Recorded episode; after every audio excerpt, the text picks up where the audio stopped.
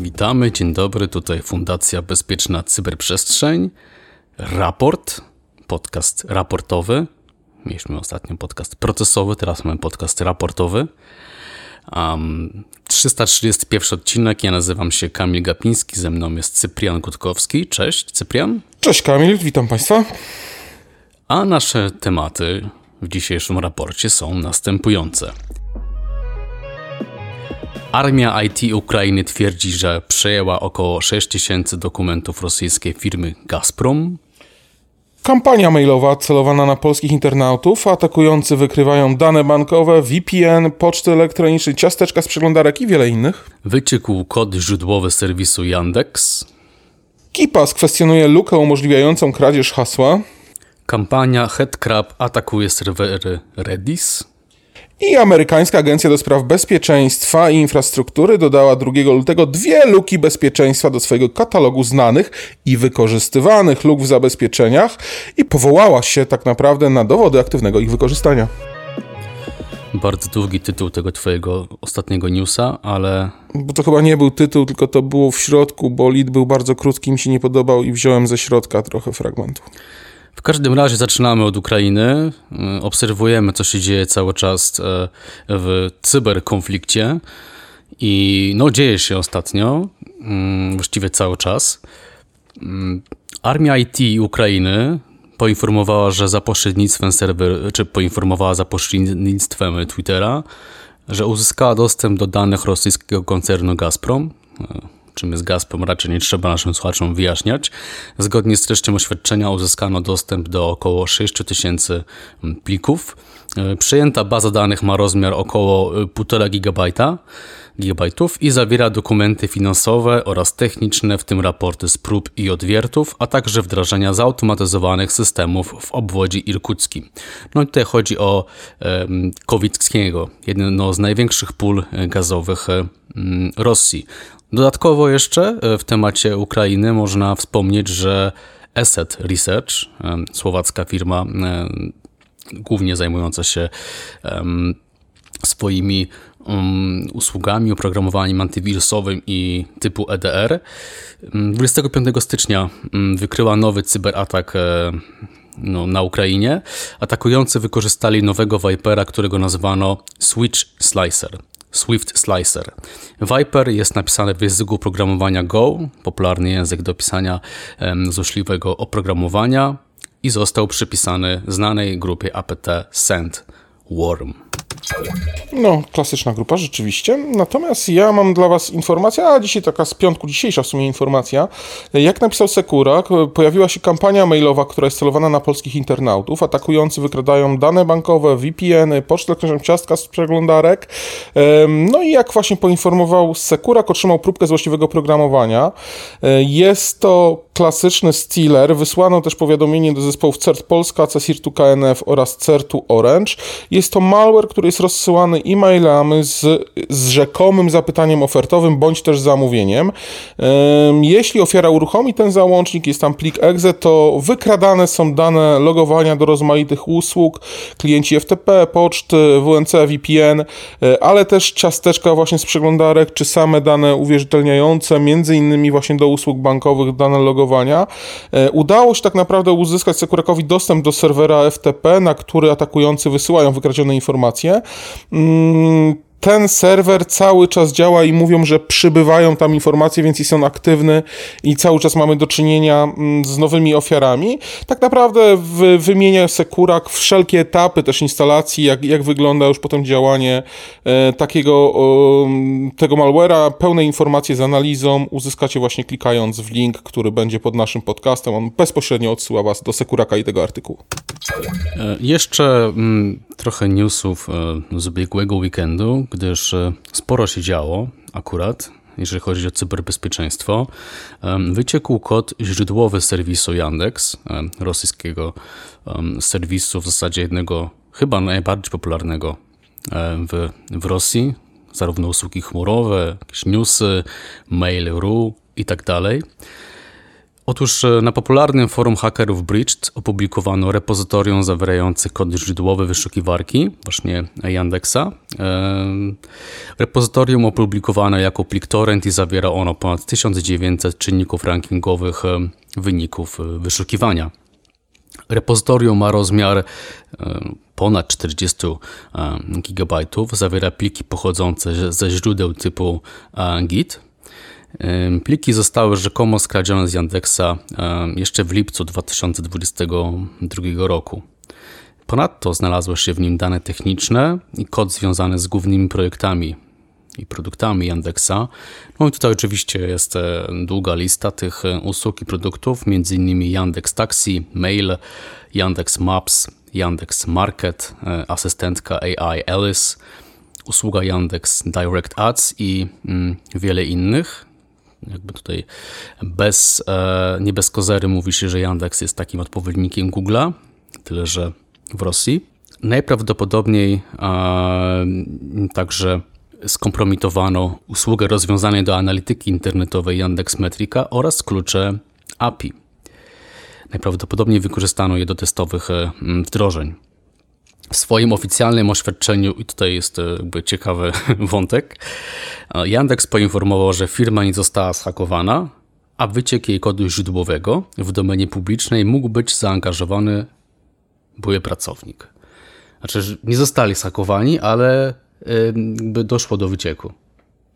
No, zostali schakowani przez e, swojego pracownika, czyli poprzez to, że na przykład nie wypełnili, nie wyłączyli mu uwierzytelnie, skoro jest byłym pracownikiem, no to powinien nie mieć uwierzytelnie, nie powinien móc się dostać, chyba że pozwolili sobie wcześniej ukraść bazę, więc też zostali schakowani, skoro osoba nieuprawniona pobrała dużo więcej niż mogła. Natomiast zastanawia mnie jedno, tam wspomniałeś, że jest e, Yandex Alice, ich jakieś OpenAI, tak, które coś tam e, robi. Dlaczego Alice, a na przykład nie Anuszka? Tylko no Alice. właśnie, takim zgniłym zachodem, nie? No, Tutaj... No strasznie. Ja nie powinni się zastanowić nad sobą i potem się dziwią, że są schakowani. Ale Anuszka to nie wiem, ja bym po prostu... Anuszka, bo w Mistrz Małgorzata był hakowa, Anuszka już rozlała olej, czyli to już się wydarzyło, już działa i ono za nas myśli i ono tak naprawdę robi wszystko, więc... Ja bym po prostu poszedł do jakiegoś klasycznego Iwana. Iwan, Sasza. Dobra, nie, nie, bro... nie brnijmy w to dalej. Nie brnijmy. Nie brnijmy. Więc to jak kolejna informacja, tak? No to informacja tak naprawdę z wtorku, gdzie KIPAS kwestionuje lukę umożliwiającą kradzież hasła i tutaj zespół programistów właśnie odpowiedzialny za KIPASa, czyli program do zarządzania hasłami i to nie taki chmurowy, a znajdujący się teoretycznie na naszym sprzęcie, kwestionuje nowo odkrytą lukę w zabezpieczeniach, która pozwala atakującym potajemnie wyeksportować całą bazę danych w postaci zwykłego tekstu niezaszyfrowanego teoretycznie z KIPASa. No i KeePass jest tym bardzo popularnym menadżerem haseł, chyba każdy sobie z tego zdaje radę, zdaje sobie z tego sprawę, natomiast tutaj nowa luka jest śledzona jako CVE 2023 24055 i umożliwia cyberprzestępcom zmianę pliku konfiguracyjnego KeePass XML i wstrzyknięcie exploita, który mm, wyeksportuje całą bazę danych, w tym wszystkie nazwy użytkowników i hasła e, w postaci zwykłego testu, e, tekstu. Następnym razem też, gdy osoba uruchomi taki KeePass wprowadzi hasło główne, aby otworzyć i odszyfrować e, bazę danych. Ta reguła eksportu zostanie uruchomiona, a zawartość bazy danych zostanie zapisana w pliku, który później atakujący mogą wyeksfiltrować już z komputera e, ofiary. No i tutaj w osoby, które mówią, że, które zajmują się Kipasem, stwierdziły, że no skoro ktoś już uzyskał dostęp tak naprawdę do Kipasa na danym urządzeniu i ma możliwości administratora poprzez to, że sam jest w stanie podnosić sobie uprawnienia, wchodzić gdzieś y, i robić przeróżne rzeczy, no to, to nie jest wina Kipasa, że potem ktoś potrafi się do niego włamać i uzyskać informacje. E, I taką informację przekazują nam właśnie osoby odpowiedzialne, tłumacząc jednocześnie, że tym atakom można zapobiec jedynie poprzez zapewnienie bezpieczeństwa środowiska, a KIPAS nie może magicznie działać bezpiecznie w niezabezpieczonym środowisku. Tydzień temu mówiliśmy o LastPassie, w tym tygodniu mówimy o KIPASie. Tak, jedziemy wszystkich równo. Tak, e, ale podcast jest vendor agnostic. W każdym razie, e, w czwartek e, informacja, którą zidentyfikowaliśmy, dosyć istotna, więc polecamy Waszej uwadze. Kampania Headcrab atakuje serwery e, Redis. Redis, czyli Remote Dictionary Server, e, Dla przypomnienia, dla kontekstu, to jest oprogramowanie działające jako nierelacyjna baza danych. Przechowuje dane w strukturze klucz-wartość w pamięci operacyjnej serwera przeznaczona do działania jako klasyczna baza danych, miejsce przechowywania pamięci podręcznej oraz broker wiadomości i co najmniej 1200 serwerów na dzień wczorajszy, na dzień czwartkowy, serwerów baz danowych Redis na całym świecie e, zostało połączonych w botnet, stało się jakby częścią botnetu. No i tutaj właśnie jest sprawka oprogramowania Headcrab. Mm, to jest zaawansowane dość oprogramowanie. E, no i ta kampania trwa już od początku września 2021 roku, jak analitycy właśnie mm, się dowiedzieli. Mm, atak celuje w serwery wystawione do internetu. Przejęcie następuje po wydaniu polecenia Slave Off z innego serwera Redis, który już jest pod kontrolą e, cyberprzestępców, czyli jest już częścią tego botnetu. Pomimo tego, że głównym celem kampanii, e, tutaj w tej kampanii chodzi przede wszystkim o um, kopanie kryptowalut, coraz trudniej jest wykopać tradycyjnym sposobem kryptowalutę, więc trzeba się tutaj posługiwać się rzeczywiście siecią um, zasobów. No, botnet się do tego jak najbardziej nadaje. E, no i właśnie pomimo tego, że taki jest jakby główny cel, no to ten malware posiada um, wiele innych zdolności. E, na przykład pozwala cyberprzestępcom wykonywać polecenia typu shell, ładować bezplikowe moduły kernela i eksfiltrować dane do zdalnego mm, serwera po stronie właśnie cyberprzestępców. Więc e, mm, tak, no ponownie e, mówimy tutaj o kryptominerach i cóż, coraz więcej newsów jest w tym obszarze. Zapowiada się na to, że cały czas jednak będziemy mieli do czynienia z tym zagrożeniem, który nie tylko wpływa jakby na poufność i integralność, czy może wpływać na poufność i integralność, ale przede wszystkim na dostępność tych zasobów. Poza tym chyba nie chcemy, by nasze serwery, tak ważne serwery jak serwery bazy danowe, uczestniczyły w jakiejś sieci botnetowej.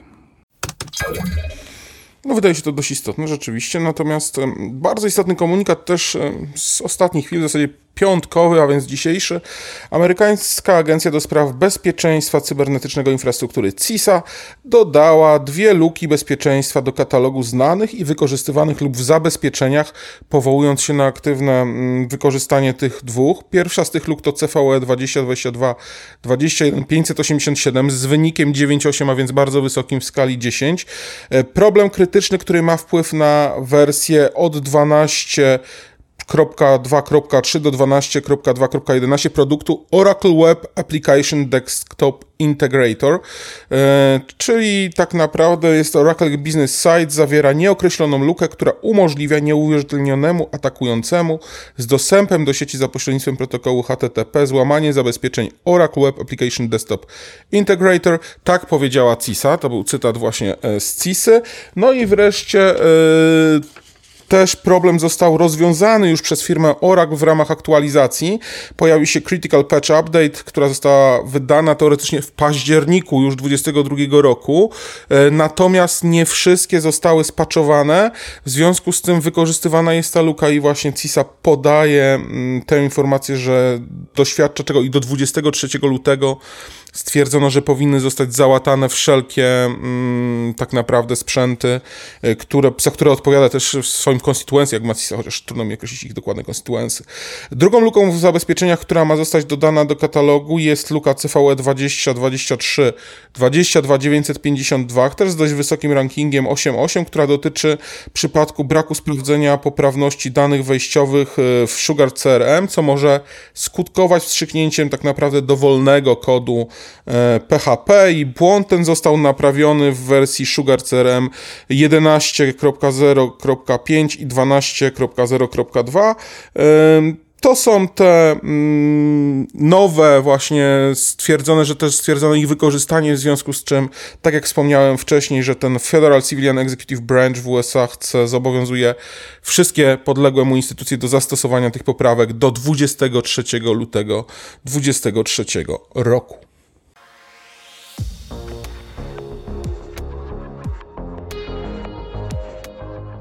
Partnerem strategicznym podcastu CyberCyber jest Koncert SA, lider na polskim rynku cyberbezpieczeństwa. Sprawdź nas na www.koncert.pl. Ostatnio zaczęliśmy od podatności, a dzisiaj w piątek właśnie kończymy na podatnościach. E, to był Cyber, Cyber Raport, odcinek 331. Kamil Gapiński, Cyprian Gutkowski. Dzięki bardzo. Bądźcie cyberbezpieczni. Do usłyszenia za tydzień. Cześć. Czuwaj.